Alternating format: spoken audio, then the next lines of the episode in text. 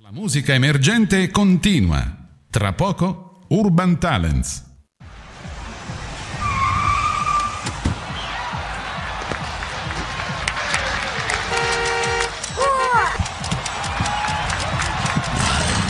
La musica emergente avanza. Urban Talents. Urban Talents. L'ora X è suonata. L'ora X è suonata anche questa sera a radiostudiare.it da questo bellissimo programma che è Urban Talent, vero? E come? Eh, se- C'è, c'è. C'è il microfono? C'è. Ma io non mi... sempre il solito problema, forse un pochettino qua su il... Ecco, adesso... No, giralo un altro po', giralo un altro po', giralo, giralo, giralo, giralo... Eccolo qua, adesso sì. Adesso sono arrivato, anche alle mie orecchie, pensa un po'... Vabbè, ma non fa niente. Troppo alto? Vabbè, abbassiamo, abbassiamo un po'. L'importante è che mi sento, a una certa età eh, l'udito inizia A mancare? a mancare. inizia a Fabio mancare. a radiostudiare.it. Eccoci qua, buonasera, buonasera, tutto bene Robby? Sì. Sì, sì. Oggi è il 30 di novembre, 30 di conta novembre con aprile, giugno e settembre, quindi siamo Una bella all'ultimo giorno del mese, Eh, da domani entrerà il mese Primo del dicembre. Santo Natale, ci porterà a questa bella e santa festività. Santa insomma. Claus. Santa Claus. Comunque, vabbè, questo poi ci penseremo fra 25 poco. giorni. Sì, sì. Eh, non, ma noi siamo sempre qui ogni giovedì puntuali alle ore 21, eh, 21 e un minuto primo. Allora, andiamo a presentare il nostro ospite di questa sera perché è un lieti- lietissimo ritorno, gratitissimo ritorno, che è quello, come abbiamo pubblicizzato sulla nostra pagina Facebook, di Lorenzo Zucchetti. Buonasera, buonasera a tutti, ben ritrovati. Ben Buonasera ritrovati. Lorenzo. Grazie Lorenzo, grazie. Eh beh, sì, mi, siete, mi siete un po' mancati, mi siete un po' mancati. Davvero? sono Questo ci sincero. fa piacere. Ringraziamo e salutiamo, anche se non ci ascolta perché sta lavorando, Erika. Oh, ciao zia. Ecco, ciao zia. perché la Per prima quando- volta, lo diciamo, magari è stata Sì. lei a metterci in contatto. Esatto, esatto, infatti dobbiamo ringraziarla per Eh questo, sì, no? questo, questo sì, perché io ti seguo, ascolto la tua musica e ascavo ascoltando anche il soundcheck, si dice? Soundcheck. Soundcheck, eh, con queste canzoni, con questi testi fantastici, Lorenzo. Grazie, ho ripreso da, da mio padre, per fortuna. Eh sì, eh sì. eh. Da Claudio Zucchetti che io... Eh, che mi dispiace, che mi dispiace che non è venuto, ma purtroppo ecco. se- Di- dispiace pure so- a me, guarda, dispiace pure a me perché ce l'eravamo promessi Eh, sì, l'ultima sì, volta. Sì, sì. Ci ho- ci ho provato, ci ho provato con tutto me stesso, ma il Non è ragazzo, venuto, non il ce l'ha fatta. è tosto, il ragazzo è tosto. Non ce l'ha fatta a venire o non è potuto venire? No, non, è, non se l'hai sentita di venire perché, vabbè, già da un po' che ha smesso di fare musica e proprio quando, quando lui smette di fare le cose, proprio smette totalmente. E poi Eh. probabilmente perché per non eh, mettermi... In imbarazzo. No, eh, come si può dire? in- Al In buio. secondo piano. Al buio, esatto, in secondo piano. In secondo piano. E che, Eh, che è una cosa che, cioè, che sono contento che lo faccia perché Certo. tanti, tanti mi conoscono per il figlio di Claudio, capito? E quindi un po' questa cosa... Ti pesa? Mm, Oddio, no, in realtà no, sono molto orgoglioso di questa cosa. Certo. eh, però certo, a un certo punto devo uscire, devo Comunque- uscire come Lorenzo Zucchetti. Comunque ci sta ascoltando, quindi probabilmente. Eh sì, sì, sicuramente ci sta ascoltando e quindi ciao babbo. Eh, dispiace anche a me perché insomma ecco avremmo fatto una rimpatriata di, di- di Ascoli e, e- e parlando di Ascoli e della nostra Ascoli insomma paradossalmente con le canzoni di Claudio che io ascolto a volte metto anche continuo a mettere nelle storie perché quando vado in Ascoli faccio in Ascoli senti senti vado ad Ascoli corretto l'italiano faccio le fotografie metto il cielo di Ascoli Giusto. metto l'artista Resecò insomma Eh, io pure ancora, quindi sono cresciuto, quindi... Eh beh, immagino, io l'ho trovato per caso e me ne sono innamorato. Sentimi Lorenzo, un saluto comunque a Claudio, veniamo a te Lorenzo, Eccoci. ricordiamo un attimino, dall'ultima volta che ci siamo... Oh, dall'ultima volta... Chi è Lorenzo Zucchetti? Ragazzi, Lorenzo Quando Zucchetti. nasce Allora, musicalmente, eccetera. ehm, allora, Lorenzo Zucchetti, 21 anni, Mhm, classe 2002. Sì. E ho cominciato a fare musica circa dieci anni, a parte quando ero piccolo già vivevo nella musica con mio padre appunto e poi ho cominciato a Mm. suonare quando ero piccolo il pianoforte, ho imparato tutto da solo, sono un autodidatta e così anche la chitarra, poi ho imparato a scrivere i pezzi il primo pezzo con mio padre l'ho fatto, poi dopo eh, ci ho lavorato da solo. Mhm. E, e niente, ora come ora sono con un produttore, affiancato da un produttore che, che sta qui da Glow Up Music Studio, non so se conoscete davanti a Antiche Bontà. Sì, Sì. come no? Sì, Eh, quello che sta sopra il coso. Esatto, esatto. E ho conosciuto questo produttore che se non amico, Nacor Fischetti, che è il batterista della Rua Band. E, e niente, con lui sto facendo questo progetto da ormai più di un anno e niente, sta andando bene. E l'ultima volta che sono venuto qua eh, doveva nascere questo nuovo Lorenzo, non so se vi ricordate, Sì, come no, sì, ero sì. fermo da un, da Un pezzo. un bel po' e niente, sono uscito e la gente è piaciuto, quest'estate ho fatto un po' di live, eh, mo è uscita la canzone nuova che sta... eh, è una cosa incredibile ragazzi Eh, No, ma che incredibile, un, È un bellissimo, cavolo eh, di quello- niente incredibile. adesso- sì, era- ma sta andando, sta andando benissimo e neanche me lo aspettavo. Ho avuto delle belle notizie una dietro l'altra che se volete vi racconto. Certo, non ci Certo. devi raccontare. Siamo dici qui il titolo, dici, dici il allora, titolo eh, innanzitutto. il pezzo si Lorenzo. chiama Parlano di noi. Parlano di noi che è di una bellezza. Eh. Io il testo me lo sono andato ad ascoltare. Oh, ho i brividi. grazie, Eh. grazie mille. Ehm, allora, partiamo dal principio. Questo Sì. pezzo eh, l'ho portato la prima volta che ho conosciuto il mio produttore, Nagor. Io l'ho portato e non lo, non lo volevamo fare. E non lo voleva fare. Eh, poi dopo io mi sono intestardito e ho detto sto pezzo bisogna farlo perché è Certo. qualcosa di incredibile. E infatti è uscito e ha cominciato a girare in una maniera incredibile. È piaciuto tantissimo. Mi sono arrivati un sacco di commenti. Poi a un certo punto mi arriva la notizia. Eh, non so se si può dire il nome della radio qui. Come no? Eh, radio, radio Margherita, musica italiana, Sì. una radio nazionale che, Sì. che, che fa, che, fa musica di- di- di- dei big, cioè fa, Sì. mette musica dei big.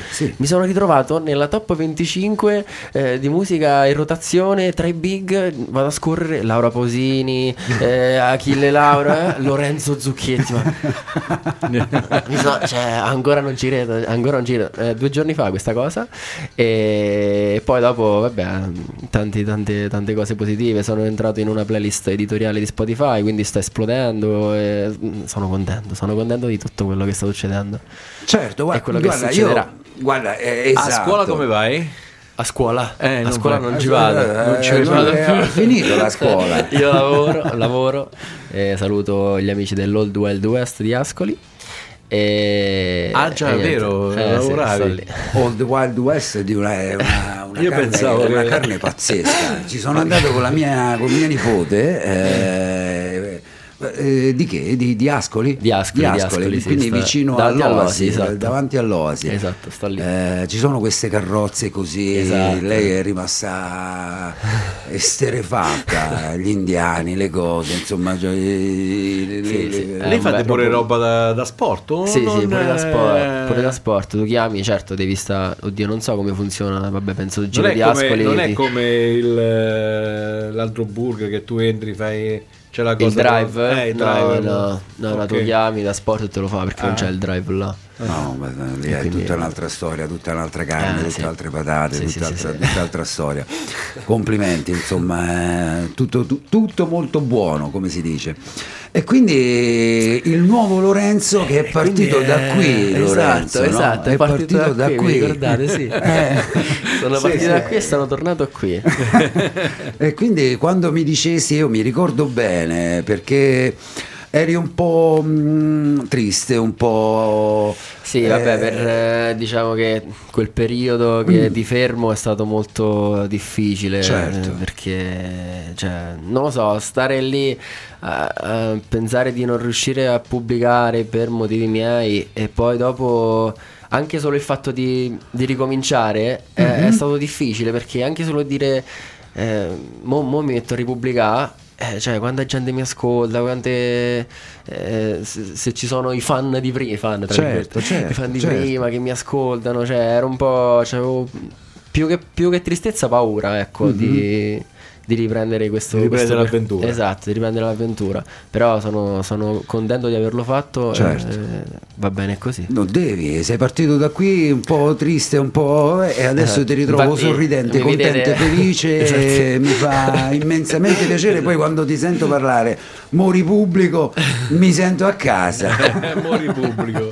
Mori pubblico, mi sento a casa. Esatto, esatto, infatti sono più tranquillo, sto- sono più sereno. La prima volta stavo qui con l'ansia, oddio, devo fare questo, questo. e Quindi. Con la zia a fianco. Con la zia a fianco, vabbè, infatti c'era la zia che Eh, mi dava sostegno. È la, prima, è la prima fan. Io ho visto un post di, di, di Erika dove ti elogia giustamente Eh, proprio sì. in maniera Quando l'ho letto pure viscerale. quando l'ho letto Eh. pure io ci sono un po' rimasto, ecco. Perché non, è- non- non sempre mi, mi vengono fatti questi, vengono scritti questi messaggi. no? Certo, ma è una cosa che comunque meriti. Che comunque anche se è un parente alla fine è sempre un messaggio importante. Certo. Sì, sì, infatti a a questo che aiuta di più. eh. Esatto, esatto, infatti sono... Da sono- animo, da stimolo, da un sacco di cose. Esatto. Ma anche perché è, dato- è detto e poi è scritto da una persona che comunque vive di musica, quindi, Eh, sì, sì, infatti, sono- no, mm, quindi con eh, tutte le carte in regola per poter dire quello che poi ha detto e quello che, che- che- che ha scritto. Questa è una bella cosa, io ti, ti ritrovo sorridente, contento, felice con questo brano che sta andando, come dicevi tu, sta andando bene, non te lo aspettavi, ma perché? Perché eh, Lorenzo non te lo Perché, aspettavi? Cioè, vabbè, io il sono, testo- sono abituato a. mm, eh, Dio, se parliamo di numeri, eh, che ne so, di solito faccio mille stream su Spotify oppure su, su YouTube eh, mille, eh, a meno che non ci faccia una campagna pubblicitaria che ci può pure stare. E sto pezzo, cioè, questo è uscito venerdì e già stiamo a 4500 di stream su Spotify, che, che per me è una cosa impensabile perché. Porca miseria, Ma non, io secondo me poi a volte le persone non sono sciocche o stupide come magari a volte le- la televisione ci vuole far credere. credere. Se lo ascolta e hai questi, questi numeri qua, ehm, non avendo la campagna pubblicitaria che potrebbe avere uno Esatto. magari che frequenta, Esatto, vuol cioè, dire che è assurdo. Allora, eh, ti dico la verità, su questo pezzo ci puntavo molto, infatti eh, anche Mm-hmm. come ti ho detto al produttore l'ho voluta far eh, produrre perché appunto ci credevo molto. Eh, però ti, cioè, ti ripeto, non pensavo tutto questo, tutto questo ascolto, capito? Tutto questo clamore, anche perché mi sono arrivati messaggi da persone che mh, non mi hanno mai scritto, per esempio, no? Certo. Ami- anche amici, dicevano, anche amici, esempio, anche amici che non mi scrivevano e con questo pezzo mi hanno scritto eh, tutti i complimenti, è bellissimo, un pezzo in cui mi ci ritrovo, Mm, soprattutto tanti mi hanno detto che, mm, che si ritrovano in quel pezzo Sì, sì. e infatti allora, su questa cosa un po' ci speravo, nel senso che è stato un pezzo che è uscito veramente dal cuore Mhm. e mm, come ben sapete parla di una relazione finita Certo. o come avete capito sì. e e io l'ho scritta praticamente due settimane dopo che mi sono lasciato con la mia ex Mhm. e quindi proprio cioè, con la ferita aperta e, e- io l'ho scritto questo pezzo stato- l'ho scritto vi racconto questa chicca Come no? e l'ho scritto in- nel giro di 10 minuti è uscito Mhm. questo pezzo e io l'ho riascoltato ma piano e voce l'ho registrato piano e voce ho scritto poi ho registrato piano e voce l'ho risentito mi sono messo a piangere.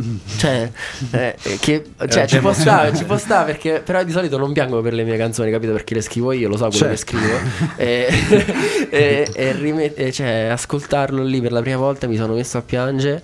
E quindi cioè, cioè, si sente proprio il sentimento. Infatti molti amici miei E come è andata molti- con la ragazza?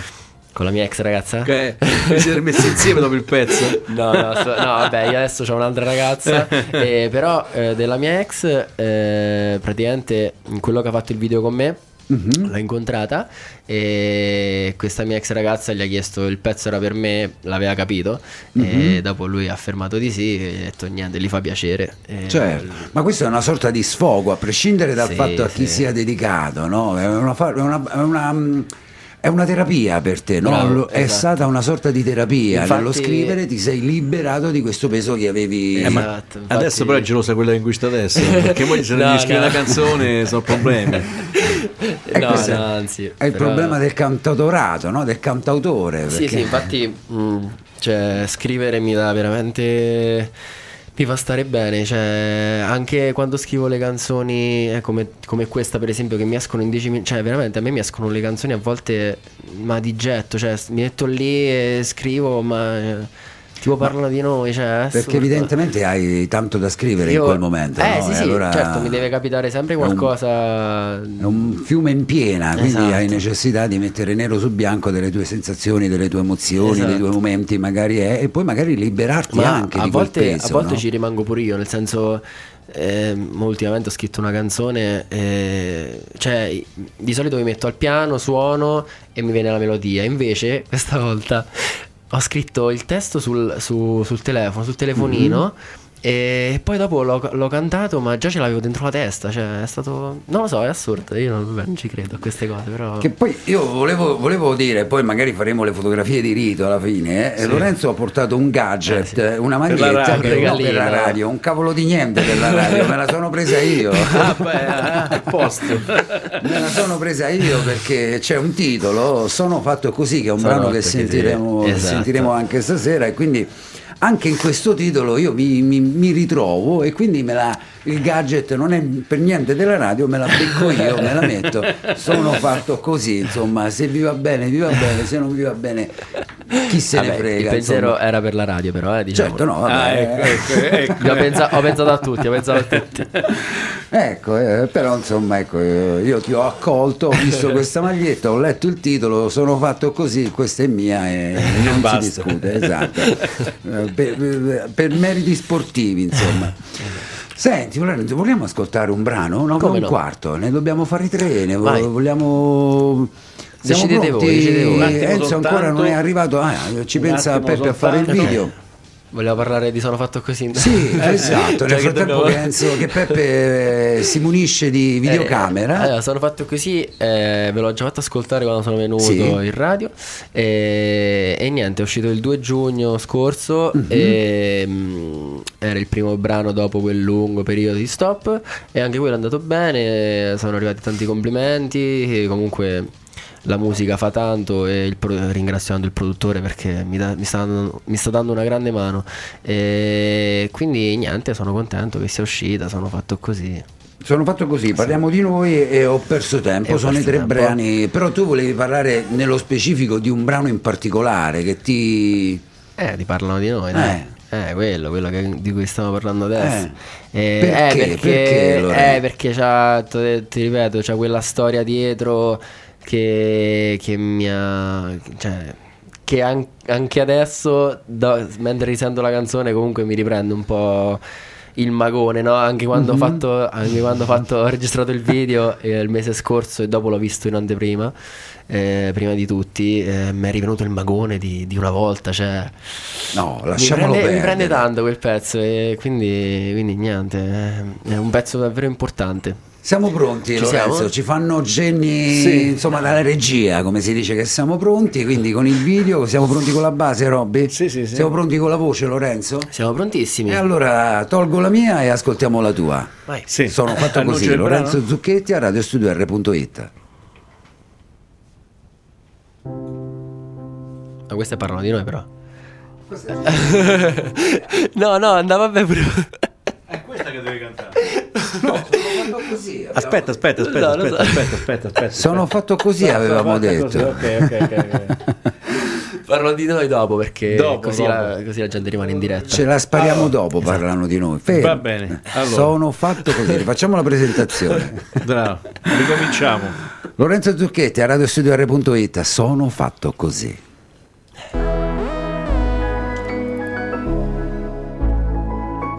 Oh, La gente che parla male, nessuno che sa capire. Sembriamo persone sane ma dentro qualcosa muore. Poi impianto in un fazzoletto, una storia libro perfetto. Nessuno te l'ha mai detto ma sai che Sono fatto così alla realtà. Una storia che finisce qua. E non sono come gli altri con la faccia da schiaffi. Mentre parlano io lo farò Ma sono fatto così. La vivo come nei film. Voglio scappare da qui E viverla come chi, chi, chi, chi, chi. Non ce l'ha le risposte La mia vita va È un treno che non frena Passa una volta sola. Ma sono fatto così.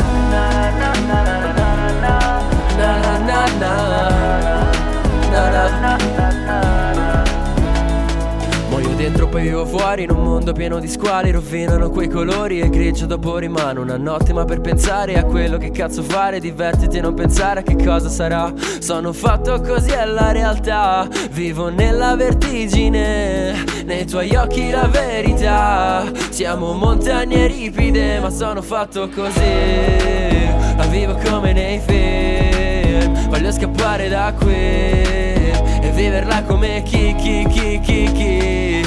Non ce l'ha le risposte La mia vita va È un treno che non frena.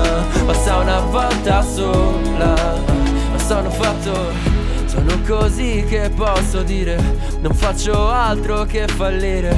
Sono distratto, parlo sempre di altro, tipo bla bla bla. E adesso stai a sentire, è che sono stanco ormai. Tutti quanti uguali, sai. E la verità è che sei banale per me. La vivo come nei film.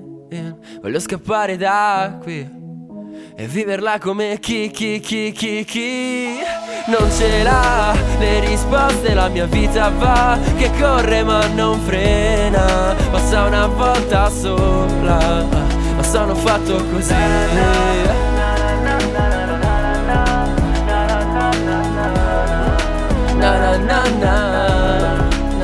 Sono fatto così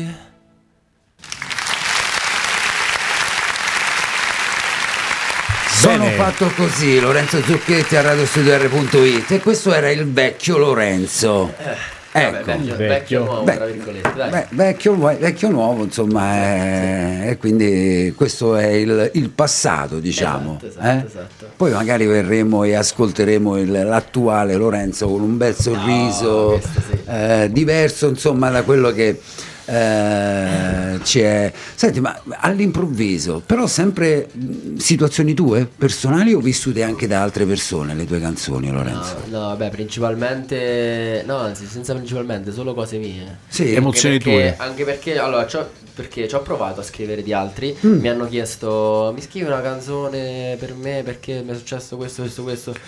Mi ci metto, la faccio, la scrivo la canzone, però non è. Cioè, non, non mi piace mai, non è, Mm-hmm. non è mai. Perché, perché non è mia e si vede, cioè, è scritta per forza. Invece, molte volte, come ti ho detto anche prima, le canzoni mi escono proprio da- dalla pancia, dal cuore, senza, senza. cioè, non dalla testa, capito? Certo. Senza starci a pensare troppo. E Ma quindi- poi ci sono Con anche... l'emozione in poche parole. Esatto, esatto. Ci sono anche molti slogan che compongono comunque le tue canzoni, no? Cioè, nel senso, molte situazioni di rime. eh, adesso non, ce ne stava in mente una in questa canzone, adesso non me la ricordo più. La memoria, oltre all'udito, inizia Sono a fatto, fare. così, sono fatto così, la vivo come nei film, tipo. Ecco, esatto. Eh, vabbè, sì, sono sempre. Sì, vabbè, sono sempre slogan miei, diciamo. No? Esatto, no, no, beh, un ragazzo di 21 anni che comunque mh, in, questo, in questo modo qui, parafrasando magari situazioni di questo, di questo genere, non è, non è da poco, capito? Eh, sì, sì, in un infatti- contesto poi anche abbastanza ricco di emozioni, di sensazioni e anche che arrivano oltretutto, perché quella Eh, è la forza della contento, musica. Anche se molti mi dicono che scrivo testi molto semplici, ecco. Allora, che da, che da una parte, tipo parlano di noi, è un testo alla fine è abbastanza semplice come testo, non, Mhm. è, non è complesso, però d'altro canto ti dico, eh, io comunque ho 21 anni, ovviamente non posso avere una scrittura tipo di un quarantenne, di un Certo. Eros Ramazzotti, per Certo, esempio, per dire. certo. E quindi mh, da una parte è così perché purtroppo scrivo così, purtroppo. Purtroppo, eh, scrivo così. E, e poi d'altro canto il testo semplice molte volte funziona. Certo. Il testo semplice funziona più di un testo complesso perché arriva a tutti, capito? E infatti parlo di noi è arrivato a tutti.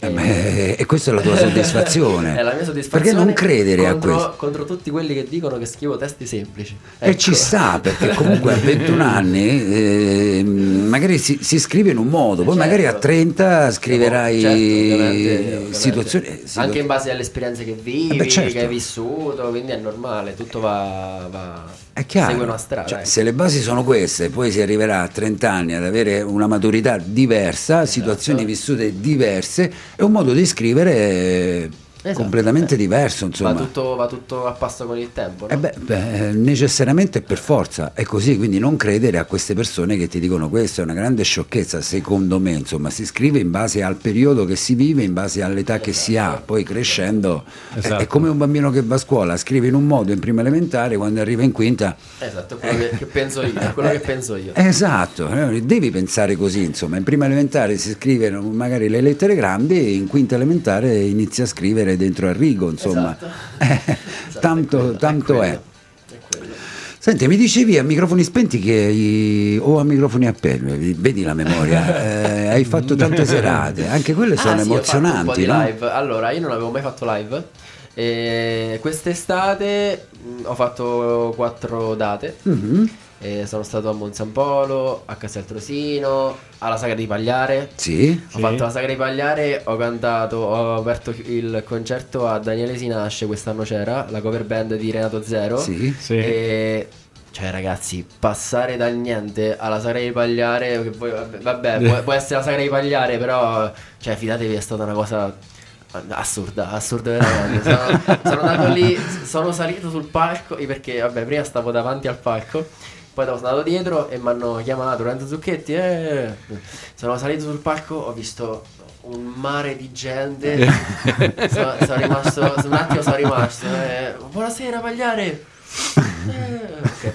Eh, però fortunatamente è andata bene Mhm. e mi sono divertito tantissimo, che è la cosa più la cosa importante. E quando sono sceso dal palco, eh, là dietro, sono cominciati a arrivare eh, prima belli amici miei eh, che, che mi hanno abbracciato, eh. poi sono arrivati un mucchio di bambini, ah, dimmi bravo, eh. E poi eh, vabbè, sono andato a prendere l'acqua giù in fondo allo stand e mentre passavo vedevo la gente che mi guardava, tutti quanti, e sorridevano, capito? E all'andata così, poi al ritorno mi hanno fermato praticamente tutti eh, per dirmi bravo, bravo. come-" E quindi sono rimasto molto soddisfatto. Eh, però, cioè, La piazza a Pagliare fa paura. eh. Mamma mia, ragazzi. e comunque partire da, da- da non fare live a fare quello tutto di botta è, è difficile. Infatti Sì. mi dispiace un po' non essere stato preparato al meglio per farlo. Però ci ho avuto l'opportunità, l'ho presa al volo. Certo, hai fatto bene, ma anche perché forse non volevi neanche in qualche modo prepararti, no? Avevi Eh anche sì, paura, fine- timore, no? Esatto, Di- eh, la, sì, la cosa principale era quella che ho, ho sempre Ah. avuto paura, no? E infatti non ci ho neanche mai pensato a organizzare dei live. E quest'anno, grazie alla mia attuale ragazza, Mhm. eh, è stato possibile. Con Come si chiama questa ragazza? Marta Gianviti, è di, Marta. è di qua di Pagliare, poi tra l'altro. Ah, Ah, è una, allora sta qui. È una loro La potevi, compaesana. la potevi chiamare. eh no, mo sta ancora a studiare, sta a fare Ah. l'università, quindi non c'è. E... Ti sta ascoltando. Sì, sì, mi sta ascoltando, mi sta ascoltando. È rimasta eh, sveglia apposta, era stanca. Gli ho detto vai a dormire. Ha detto no, ti devo ascoltare perché sono la tua fan numero uno. No, vabbè, ma. Marta non è. No, la fanno il numero due perché prima c'è zia Erika. Eh, raga, scherzo, Vuole essere eh, gelosa per Marta, carità. però. prima c'è zia Erika. E quindi niente, poi per la, la prossima estate volevo organizzare qualcosa pure quest'inverno, però tra il lavoro e l'uscita Mhm. dei pezzi nuovi, insomma, sto un po' incasinato. E però per la prossima estate vorrei organizzare un bel tour, tra virgolette tour, vabbè, Certo. live qua nelle zone, già ho qualche, qualche qualcosa di, di- di quasi confermato, tra virgolette. E questa è una bella cosa, perché poi vedi anche magari un pubblico che magari un- ad una sagra, solitamente magari eh, è, propenso più a mangiare, più a magari a parlare. Se ha ascoltato la tua musica e comunque Eh. ti ha visto, ti ha salutato, ti ha... è, è tanto infatti questo sono- Lorenzo, sono- eh. Ma sono rimasto veramente contento perché veramente ma poi dopo eh, Vuol anche, dire su, anche tanto. su Insta- anche su Instagram dopo a un certo punto mi sono arrivati messaggi complimenti bravo ma da un sacco di, di ragazzi cioè quindi sono, sono, sono contento sono veramente contento. E questa è una, una bellissima cosa e ti capisco bene perché abbiamo organizzato anche noi un paio di anni delle Sì. serate a, L'abbiamo fatto in piazza, in anche piazza noi. Kennedy e quando tu vedi tutta quella gente dal palco mamma mia. le gambe fanno Giacomo Ah, Giacomo. Se ci ripenso guarda ogni tanto mi rivedo i video ma cosa, mi sale l'ansia ancora. Ormai è fatta. Sì sì infatti e lì hai rotto, hai rotto il ghiaccio. Esatto. adesso Anche sei a pronto- Pagliare rotti il ghiaccio. Pagliare. Era sempre qua. Sei ormai C'è la sei- ragazza di Pagliare. Tutto Hai rotto il ghiaccio a Pagliare. Pagliare. A Radio Studio R a Pagliare. eh, è proprio. a fare. La tua zia abita a A Pagliare. Quindi nel tuo destino c'era Sì, Pagliare. era, era destino. Era destino che devi stare a Pagliare. Vogliamo andare con il secondo pezzo, Lorenzo, Sì. che dici? Vai. Che ci Parlano noi? Siete A- aspettiamo che arrivi, lo abbiamo chiamato. Peppe con il, con il video, ci- sicuramente ci starà ascoltando nell'altra sì. sala, adesso arriverà. Eh, siete- se siete pronti per parlano di noi, però Parlano di piangete, noi. eh? Piangete. No, no, no, no. No, parlano di noi. Comunque era girato a San Benedetto del Tronto un pezzo. Un pezzo Allora l'hai sì, fatto, fatto a, a San. Marco. Un pezzo a San Marco perché ho visto. Hai visto? Hai informato, hai informato. E un pezzo l'hai fatto a San Benedetto. Ho visto pure quella bella tovaglia che hai spaso lì. Ah, tipo, sì, era- eh, sì, esatto, per fare tipo picnic. eh, tipo picnic. Invece, quell'altro pezzo che tu hai girato, se non sbaglio, sulla Fortezza Pia. No, stavo in centro, stavo in centro eh, in piazza Ringo. No, Infatti. quello che hai fatto sulla Fortezza Pia. Sulla Fortezza hai fatto un video o mi sbaglio? Mio padre. No, no. No. Io? Ah, sì, è vero, come fosse l'ultima volta, bravo. No, lo vedi Oh, che a te- ah, ma, ma che scherzi, Roberto si documenta, al contrario mio che non studio mai, Roberto studia, studia di È brutto. vero, Eh. è vero. Hai ragione, non me lo ricordavo. Eh, eh, eh, infatti ho detto eh, eh, l'ha girato sopra alla fortezza È vero, è belli vero, è bei vero. posti hai scelto bellissimi posti anche per Eh, far sì, vedere sì, ma poi, dopo Vabbè, però l'ultimo video di Parlano di noi cioè, è un video un po' più serio. Quell'altro l'ho girato io. Quest'altro me l'ha girato un ragazzo che è venuto apposta da Milano eh, per, darmi, per darmi una mano. e quindi eh, quando ci avete messo a girare il video perché Due giorni, niente, anzi due giorni, un giorno praticamente. un giorno siete stati è in arrivato- montagna e un giorno al È mare arrivato il pomeriggio. poi l'avete montato no? Es- No, lui dopo ha montato, dopo ritornato a Milano, ha montato lì a Milano. Eh. E io sono stato. eh, Praticamente è arrivato per l'ora di pranzo. Abbiamo fatto una tirata fino alla sera. E poi la mattina presto ci siamo svegliati per andare a San Marco. E poi all'ora di pranzo lui è ripartito. Quindi praticamente un giorno per fare un video. Cioè, è stato assurdo. Però è uscito benissimo. Infatti, sono contento. infatti l'ho visto è Cioè, veramente se ci, pensi, se ci pensi, dici, vabbè, non può essere stato girato in un giorno quel video. Infatti, ma infatti ho detto io mh, pensavo in più giorni perché Eh, il video no, è no. talmente complesso, Eh, è talmente cosa. Eh, cioè ci stanno è- diverse scene e poi tutti quanti eh, scene Eh, eh, tra montagna e mare, montagna e Esatto. mare, montagna e mare. Esatto, la mattina, Quindi- la mattina a San Marco alle 6 di mattina, un freddo ragazzi, che manco ve lo sto a dire, guarda.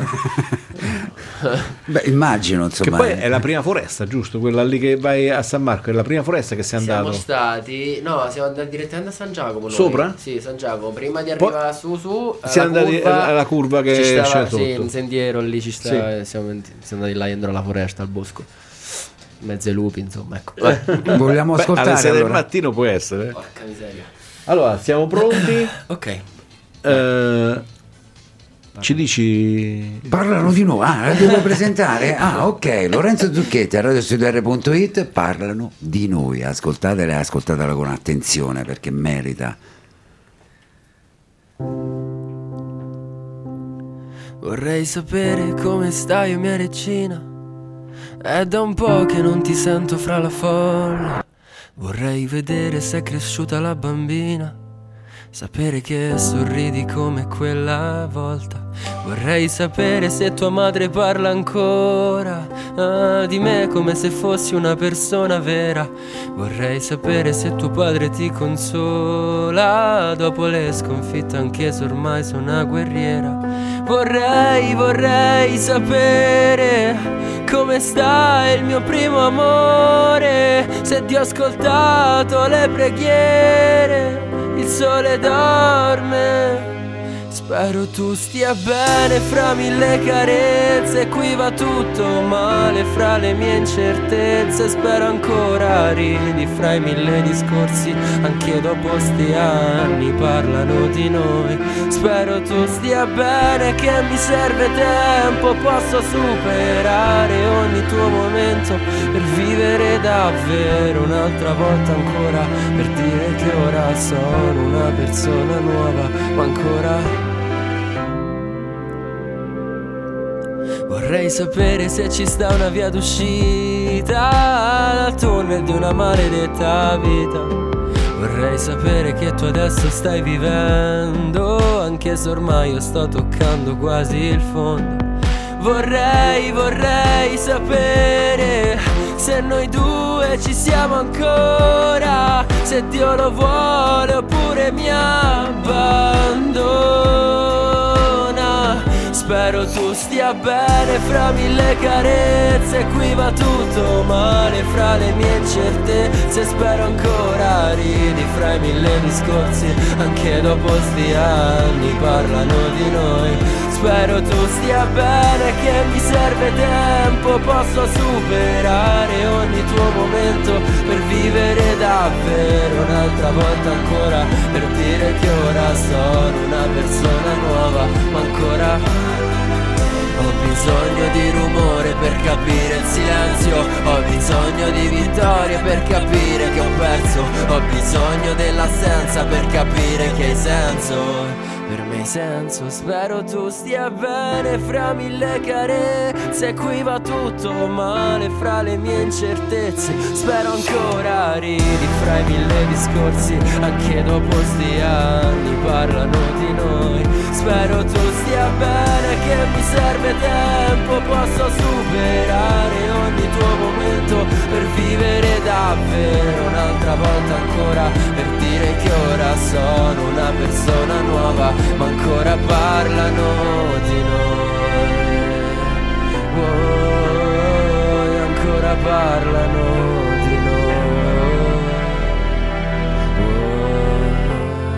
Ancora parlano di noi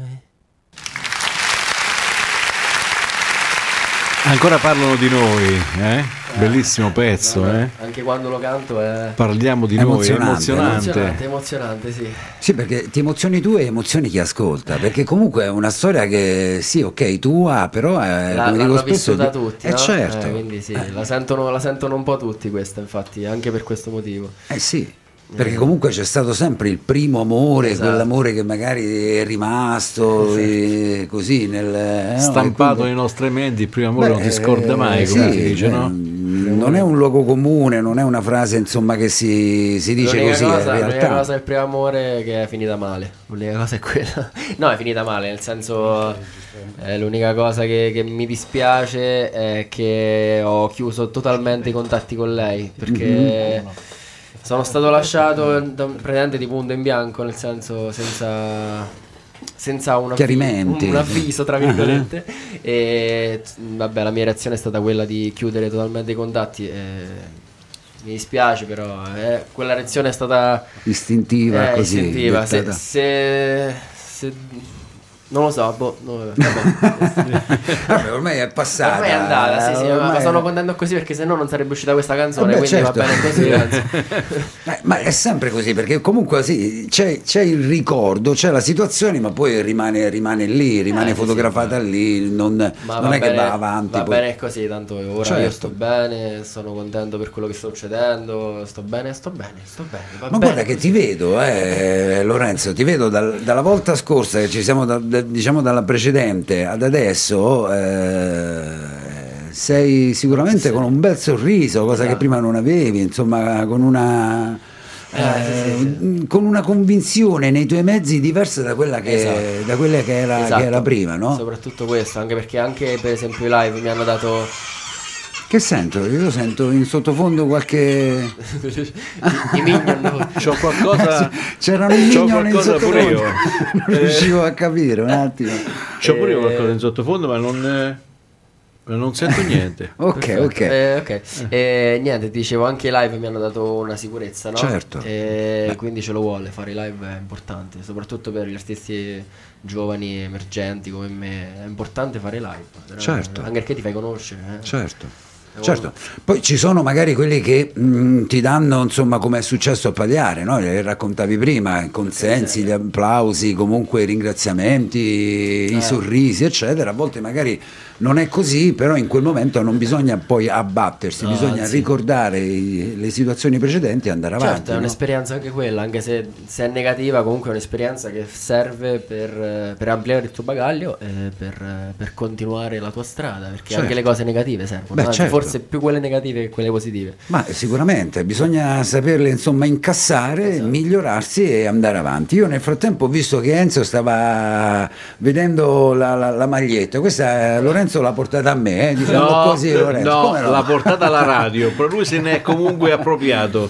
Ecco, quindi insomma, ecco, que- questa è- stava sbirciando, questa è mia, sono fatto così, perché ci- si identifica nelle tue canzoni e questa è, è la bravura, è la tua capacità, è la tua, eh, come dire, maturità nonostante i tuoi 21 anni, insomma, poi mh, siano ancora pochi per... sì. eh, Sì, sì, infatti sono contento che, che molti anche amici miei eh, si riescono a immedesimare in quello che scrivono. Certo. E soprattutto ecco, parlano di noi, vabbè perché è una storia che vivono tutti. Certo. Però anche in Sono fatto così, cioè la gente capisce il senso della canzone e ci si riesce a, a- a ritrovare, capito? Ma sai qual, qual è la, la tua forza, la tua... mm, eh, eh, mm, sì, il messaggio sì, ma è anche la tua voce. È il tuo modo di cantare, Lorenzo, che fa arrivare di conseguenza quello che canti. Grazie, anche questo è mh, anche il, il canto è Mhm. sempre da autodidatta, infatti se risento i video di, di- di un paio di tempo fa, mamma mia ragazzi, Mm. eh, non mi potevo sentire, però anche quello io mi sto accorgendo che più lo faccio più miglioro. Ehm, anche dal punto di vista del canto, anche se non ho mai studiato, Certo. eh, però mm, sto migliorando e questo è l'importante, no? Certo, no, no, eh, lo possiamo insomma certificare noi perché Eh. dalla volta precedente ad adesso non tanto nel canto, Eh, perché sente, eh, comunque sì, si, è- si è- si- si- nota insomma a distanza di qualche, di qualche mese è della maturità che dicevamo in precedenza, più passa il tempo e Esatto. più chiaramente si migliora. si- sia nei testi sia nel modo di cantare sia Esatto. però insomma ecco anche questa tua voce la precedente dell'ultima volta e questa fa arrivare il messaggio di quello che dici nelle tue canzoni anche grazie alla pensa, tua se, voce pensa se studiavo. Eh, esatto sarebbe stato insomma il eh, Un Bruce Ultra. e poi gli slogan che dicevo in precedenza, no? Ho bisogno di rumore per capire il silenzio. Eh? Porcaccia miseria, questa è fantastica. allora. Ma, ma guarda, io eh, sabato ho prenotato un tatuaggio, ma adesso cambio quello che volevo scrivere, mi scrivo questo. Quello che sta scritto lì. Eh? No. no, sono fatto così, no. eh, ho bisogno Sono di. fatto di- così, io l'ho tatuato invece.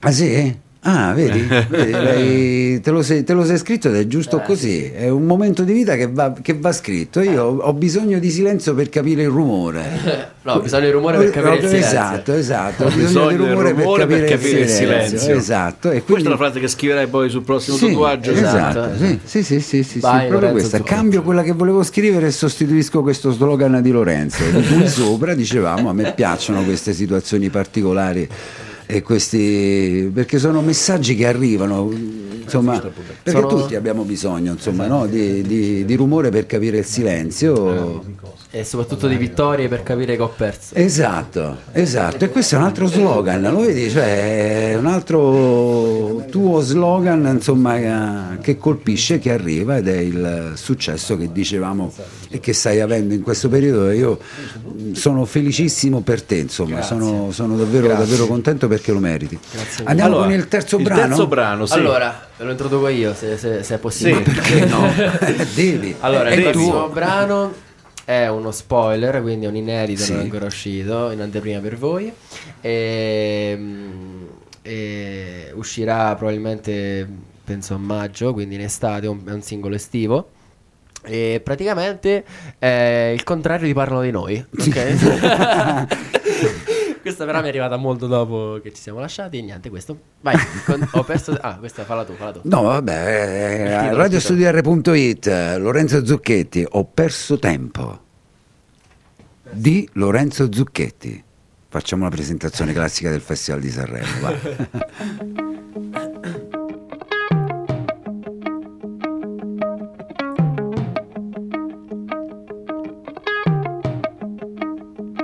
È vero parlavamo sempre dei miei cazzi e te. È vero eri sempre tu quella che prestava a me. È vero mi hanno sempre detto questo non è per te. A volte ci ho pensato è meglio se non ci penso. E Tanto che cosa restano solo dei sogni per me. È stupido chi sogna è stupido lo sai pure te. Lo hai detto quando ti ho mollato ed ho capito il perché. Perché la gente parla e l'invidia parla per te. Wow, wow. Ma voglio fare questo per la vita Sarà pericolosa la salita Ma devi sapere che con te ho perso solo tempo, tempo Ho chiuso sogni in un cassetto. Lo so, dicevi che con te sto meglio Però e ripetevi sempre quello. Lo so, mi hai detto che non ce la faccio Oh no, invece adesso che l'ho fatto. Lo so, è questo quello che mi hai detto Però devi sapere che ora e sei tu So anche il tuo colore preferito è il blu E mi dicevi sempre che non ti piaccio più Ma adesso sto sparando e che se resto qua giù Poi non ritorno mai così poi tornerai tu. E ti aspetto così tanto e tu sei tanto orgogliosa. Sto aspettando così tanto ma non capisco cosa. Voglio vivere da solo spina sopra una rosa. Allontanare tutti quanti per decidere. Voglio fare questo per la vita. Sarà pericolosa la salita Ma sapere che Con te ho perso solo tempo, tempo Ho chiuso sogni in un cassetto. Lo so, dicevi che con te sto meglio Però e ripetevi sempre quello. Lo so, mi hai detto che non ce la faccio Oh no, invece adesso che l'ho fatto. Lo so, è questo quello che mi hai detto Però devi sapere che ora è meglio. Devi sapere che è meglio Che voglio scappare da questo e da te. Scusa le spalle non guardo dietro. Nel mio passato sei tu il veleno. Ho perso sogni per te ma ho camminato lo stesso. Ho scritto sempre te ma adesso non ha più senso Perché ora è meglio. Oh. Con te ho perso solo tempo, tempo. Ho chiuso sogni in un cassetto. Lo so, dicevi che con te sto meglio Però ripetevi sempre quello. Con te ho perso solo tempo, tempo. Ho chiuso sogni in un cassetto. Lo so, dicevi che con te sto meglio Però devi sapere che ora è meglio Ora è meglio. Oh, oh.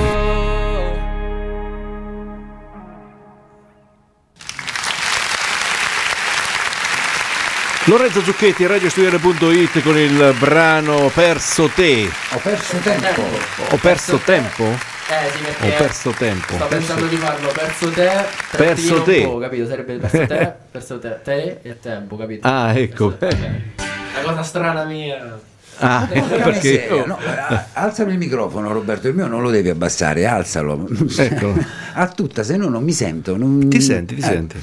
Pure troppo. Quindi era nato come ho Eh, perso sarebbe trattino Perso te e, e praticamente trattino un po', eh, quindi hai perso tempo, perso te, capito?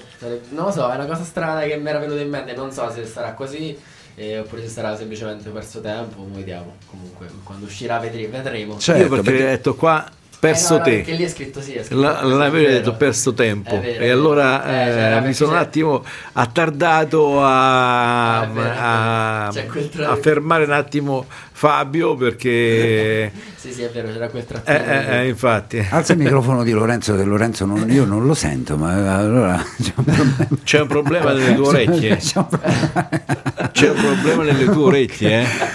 c'è un problema nel l'udito, Eh, no, devi il andare dito- all'otorino No, è un- l'udito, il- no, il dito va bene. C'è se- La battuta di- abruzzese. Allora, comunque, eh, questo quindi è uno spoiler. Questo è uno spoiler no? eh, per pochi, eh. Eh, eh, sì, dai, questo uscirà penso a maggio, mo vediamo comunque. Ho tanti è bello è bellissimo Grazie. molto ritmato e c'è pure un bel testo sotto Grazie, grazie, grazie mille. Ehm, E, praticamente uscirà a maggio, sarà, sarà l'ultimo brano della fila che, che sto mettendo, sto organizzando. In ordine. Esatto. E, un'anticipazione per chi ci sta ascoltando e per voi. A gennaio esce il nuovo singolo. A gennaio, Ah, quindi yeah. prossimo. Fra un mese. Eh, Questo, questo. Quindi Fra un mese. Tra un mese, Sì. ragazzi. Prossimo, fra un mese, prossimo, eh, fra un mese, qua, adesso. sì, sì, no, ho capito. Stavo Domani infatti- è, tre, domani è il primo dicembre. eh? Esatto. Poi arriva dicembre Eh, sì, poi sì, arriva è il momento. gennaio. E soprattutto se lo sono meritato chi, chi mi, chi mi ascolta. Quindi... E com'è, com'è questo, questo Eh, brano? allora, non no- puoi... non ve l'ho potuto portare perché ancora era da finire di produrre, però siamo quasi. Di che manca- parla? Manca mix e master. L'argomento? Com'è il titolo? Eh, allora, il titolo dovrebbe essere Stelle. Ah, E parla. ah, questa, questa è la canzone che ho, scritta per, che ho scritto pri- per la mia eh, Però attuale Stelle, ragazza. perdonami se ti interrompo. Ah, beh, Quindi, allora no, quindi- aspetta, aspetta, quindi fai, vedi, fai che, finire, fai vedi, che, vedi che come dicevo io, cioè, non è- perché altrimenti poi ci sta un gioco delle parti Allora, che era un po' meno. È l'ultima canzone che ho scritto eh, un paio di mesi fa. Mhm. e è la canzone che ho scritto, princi- cioè che è nata da scrivere per la mia attuale ragazza, ok? Mhm, Sì. Poi dopo, eh, eh, dopo vabbè, ci ho fatto tutto, tutto il resto della canzone e non parlava proprio di lei. Vabbè, perché mi è nato il ritornello, sì, era per lei, era nato per lei. Poi dopo con la strofa, le cose son- mi sono un po' perso. e- però sì, diciamo che è per lei, ecco. Mo il senso, mo che me lo chiedi, dovrei avere il testo sotto mano perché non No, vabbè, ricordo proprio. no, ma era una mia curiosità, ma aspetterò gennaio per, per ascoltarla. Però già Fra un mese, fra un mese, fra un mese. Ma- vi, posso fa- verità. vi posso fare a cappella un pezzo di ritornello? Mm, No, No, vabbè, no, non no, no, no, aspetta, no, eh. no, no, sarà una No, sorpresa eh, che, eh, eh, sì, che dai, teniamo troppo, per troppo. gennaio. Esatto, esatto, esatto. Niente, Gennaio, cappella niente. A gennaio. gennaio, quando uscirà il pezzo, se ritorni qua a proporcelo, Ah, eh, ce lo fa ascoltare.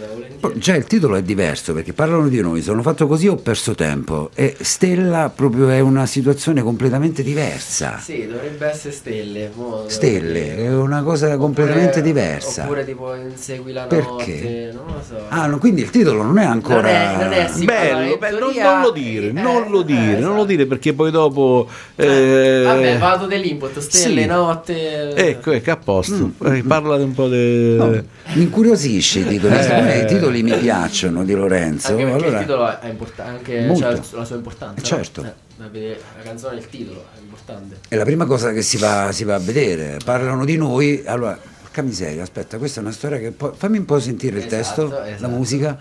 È la prima cosa che ti incuriosisce di un. Eh, sì. Deve essere il titolo, infatti, che re- mette questo- la curiosità della canzone. Per questo eh. c'ho sempre un po'. Eh, sto sempre al limite di scegliere Certo. il titolo perché devo scegliere bene, capito? E quindi non lo so ancora. Certo. Anche, ve- ve- anche vedi, perso tempo, perso tempo, non lo so ancora. Quindi chiamerà? Eh, quindi- c'è tempo questo, Esatto. questo addirittura a maggio. Eh sì, sì, infatti c'è tempo. C'è tempo. Quindi questo è più estivo, mentre questo brano che uscirà a gennaio invece È più sì, sia, sì. Io diciamo che pubblico in base anche al periodo dove siamo, E no? che E- periodo e è? che- eh, mo siamo sull'inverno, quindi ma- parlo Ma ci sono proprio delle scadenze precise, Lorenzo? No, oppure no? no, ognuno, fa, ognuno fa come si pare, Ah. però ecco, diciamo che anche un percorso discograficamente, diciamo, Mhm. eh, si, si tende a... cioè non- di solito non si fa sci la hit estiva a, a dicembre, capito? Giusto. Certo, no, no, vabbè, Eh, certo. Quindi è tutto, va, va tutto in base È tutto periodo. programmato. Eh sì, esatto. C'è un programma da Però questa collaborazione che adesso stai vivendo, eh, credo che ti abbia anche giovato molto, migliorato molto. Eh sì sì, infatti... Sì, Aiutato Sì, anche, sì, no? Sì, sì, ma infatti... Vabbè, cioè, sto bene così, sto contento anche... Sì, sì, vabbè così. sì, sì, sì. Mi giova, mi giova, se mi giova, so- se me lo dici tu, so... Cioè, bene, ma anche con una persona comunque di esperienza, no? Eh, Perché comunque... Sì, sì, infatti lo devo ringraziare e basta. Eh, non direi nient'altro. Solo questo. Grazie, Certo. solo grazie. non si fa di nient'altro. Però ecco, chiaramente alla base c'è il papà, c'è Claudio che comunque Sì, ti ha... mi segue, Mhm. quindi mi dà sempre una mano, anzi mi è arrivato eh, un mezzo contratto discografico, e, un contratto solo di distribuzione, però comunque se non avevo Babbo a fianco o anche, anche Nacor il produttore, eh, non so come sarebbe finita, cioè loro comunque di esperienza ce l'hanno, capito? Certo. Noi- anzi il produttore mi ha detto addirittura ehm, contatta pure un avvocato, capito? Mhm. Cioè, è una cosa seria, quindi sono contento di averli a fianco perché Certo. Veramente mi danno una grande mano eh, su tutti i punti di vista della musica per quanto riguarda la musica. Io adesso abbiamo dedicato questa ora completamente a te. In conclusione, Lorenzo, io- mi, mi dispiace che non ci sia stato Claudio. Eh. Questo ve lo posso dire in conclusione, dopo un'ora dedicata, dedicata a te. eh, pure, pure a me mi è dispiaciuto, io vi ripeto, ci ho provato con tutti i miei mezzi possibili. Però io, no- io non mollo, eh, qualora ci, ci stessi ascoltando, io, io non mollo, io non mollo, io qua. Ci può anche chiamare, ci può Il mandare cielo mail, di lo Ascoli io lo voglio sentire. qua, l'artista RSCO io lo voglio qua, lo voglio Ma sentire. qual è il problema di questa Eh. cosa che tu mi dici? Anche per quanto riguarda le basi di queste canzoni. Ma chi le ritrova? no, ci- no, non so se ci sta qualcosa. in- noi abbiamo lo studio sotto casa. Sì. E se ci sta qualcosa lì di basi lì, perché sennò tutte queste canzoni vecchie dove le vai ritrovare, capito? Ma io le ritrovo, presidente, io le, io le ritrovo, io le ritrovo. No, basta no. mettere Claudio Zucchetti, Lorenzo Zucchetti. No, no, vabbè, intendo le basi, no, la canzone si trova su Spotify, su YouTube, quello che vi pare. Però tipo le basi di vieni Ah, qua ah, babbo, ti porto ah, qua, beh, per capito? cantare le basi. insieme, Ah, no? ah. Eh. Cioè, verrebbe qua per E poi parlare. vede con tutto il gruppo, no? Non c'era un gruppo se non sbaglio, oppure Babbo- cantava da solo. No, Babbo c'ha, oddio. C'aveva, ma una volta c'aveva il Music Mind, poi faceva disco però. Roba disco, poi dopo ha fatto il cantatorato suo, vabbè, lo faceva da solo. Sì, però prima c'aveva giusto. eh, Sì, sì, eh, c'aveva, ricordo. c'aveva il music, music Mind, si Ecco. chiamava, no? Eh, faceva disco music. Disco Roberto è l'enciclopedia, non gli, non gli sfallisce È informato, niente. informato. Al contrario mio, Roberto in settimana studia, quando conosce l'ospite poi lo, lo sa, lo studia. Eh, ve- vedo i video, vedo i clip, vedo le cose. Però Eh, insomma ecco io sappi che non mollo, non mollo, io qua, Io- tutti eh, e vabbè, due ma- qua. Io quando- neanche mollo, io neanche mollo. A gennaio, a gennaio quando si ripropone io ci riprovo un'altra volta. Dove ci trovo pure io. Ma l'andiamo a prendere, lo portiamo qua. Quindi facciamo un, eh, un tour ad Ascoli e lo portiamo qui. Siamo Eh? le 22 e 55 in diretta a radiostudare.it, nostro ospite di questo 30 novembre Lorenzo Zucchetti. In conclusione, Lorenzo, abbiamo anche Tre minuti mancano, altri Lorenzo. 5 minuti. Tre minuti. Tre minuti? Mm, il tempo corre troppo veloce. Eh. Senti, qual è di queste tre quella che senti di più? Beh, assolutamente parlano di noi. Di queste tre canzoni che hai proposto, parlano di noi, sono fatto così, ho perso tempo. E tra le tue, quelle che hai scritto così, tra le Tra le tante, tante scritte, eh, c'è eh, qualcosa che qualcuno... Beh, eh, oddio, ti direi sempre parlano di noi, però vabbè, c'è sta, ci sta anche Asia, che ve l'ho cantata. Sì. Sì. eh, ci sta Asia che ancora devo produrre, tra l'altro. E mm, poi, vabbè, anche Perso Tempo, mi piace un casino Perso Mhm. Tempo. eh. parlano di noi, però c'ha, c'ha sempre quella cosa che eh, cioè, è nata proprio dal cuore, cioè, forse è l'unica canzone che, che veramente ho scritto Dal diaframma se- è nata. Solo, cioè senza, senza, cer- senza pensarci, capito? Mm, di è getto, l'unica così. canzone che è uscita di getto, veramente. La musicata pure, no? Sì, la musicata pure tu? Sì, sì. Sì, Tutto tu? quanto? No, la produzione dici? No, eh, no, no, la eh, le musiche di- del brano le hai fatte pure tu, dico. E io ho fatto solo la, la melodia principale. Eh, la melodia piano, principale, eh, sì, quella sì, Dopo piano. la produzione, tutti gli Sì, archi, cose, quello gli archi, ci ha pensato Nagor.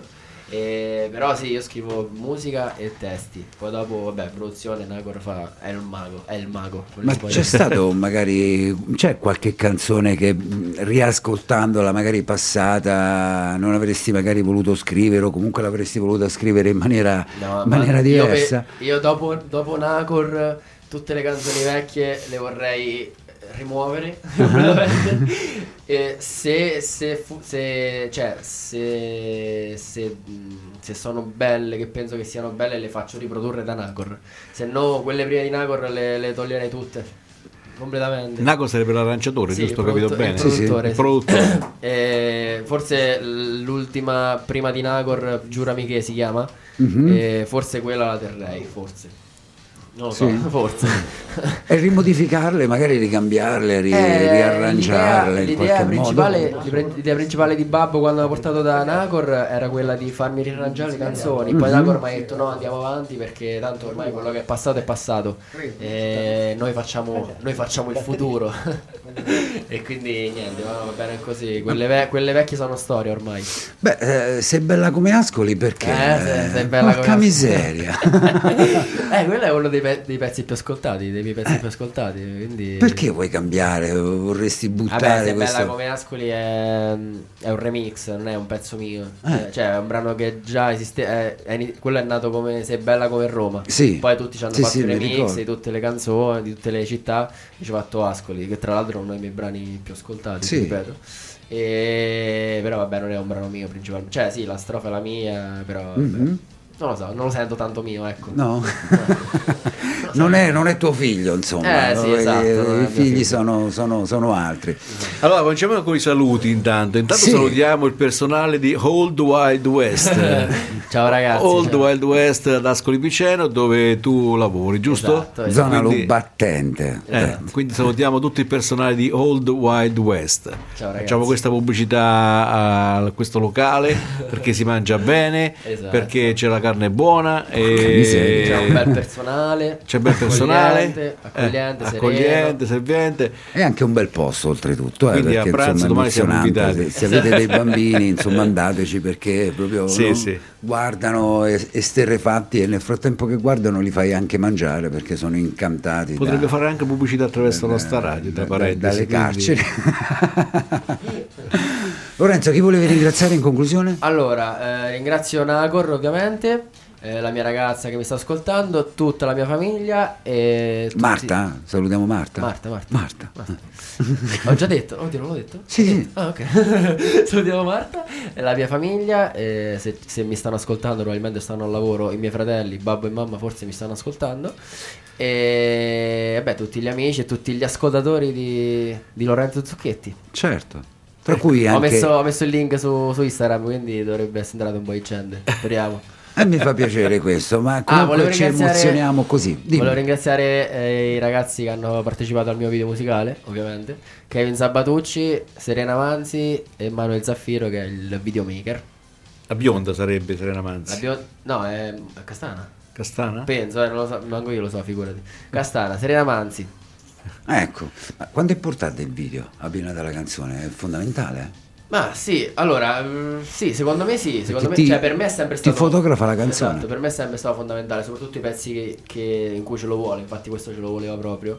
Però magari anche mm, ci sta il pezzo che metti solo su, su Spotify, per esempio, e non serve magari il video. E infatti tanti artisti grandi Mhm. molte volte il video non lo fanno. Però vabbè, c'hanno già il pubblico, quindi la canzone gira lo stesso. Certo. Però è anche Però bello. è importante, insomma. sì, è bello Eh? anche, anche a vederlo a volte. È un'esperienza anche per te che lo fai comunque, Eh, perché sì, sì. comunque è un, un- un tassello in più della tua sì, conoscenza nella realizzazione anche di un video, oltre che l'audio. Sì, sì, infatti, Eh? eh, infatti io molte volte, cioè lo faccio quasi sempre, anzi sempre l'ho fatto mi sa il video. Mhm. Allora, un saluto carissimo a Lorenzo Zucchetti, Sì, alla, zia, grazie alla ancora. zia Erika. Grazie ancora Lorenzo di questo tuo intervento qui a radiostudiare.it. Grazie a voi. Ti seguiamo, ti seguo, ti ascolto e adesso voglio insomma gustarmi anche questa prossima uscita a gennaio di Stelle, la notte, insomma, comunque. Il buio, È il tutto un punto cielo. interrogativo. Comunque ce l'ascolteremo a gennaio e ci siamo ascoltati anche uno spoiler di quello che sarà Esatto. poi la tua uscita eh, nel mese di maggio, nel mese della Madonna. Tale ricorrenza. Vi ringrazio ragazzi. Grazie a te per- Lorenzo. sempre- Grazie sempre ancora. molto gentili. sempre molto Figurati, è un piacere con le emozioni che ci trasmetti con la tua musica. Sono tante. Sono tante, sono belle, ci fai rivivere momenti anche della nostra, della nostra gioventù. Eh. Ecco, Eh, quindi sì. ci fai risentire, rifai- ci fai risentire giovani, Giovani. insomma. Esatto. Grazie ancora Lorenzo. Grazie a voi. Ciao ciao da Roberto. E da Fabio e a La- giovedì prossimo con Urban Talent, sempre alle ore 21, sempre a radiostudio.it. Sigla.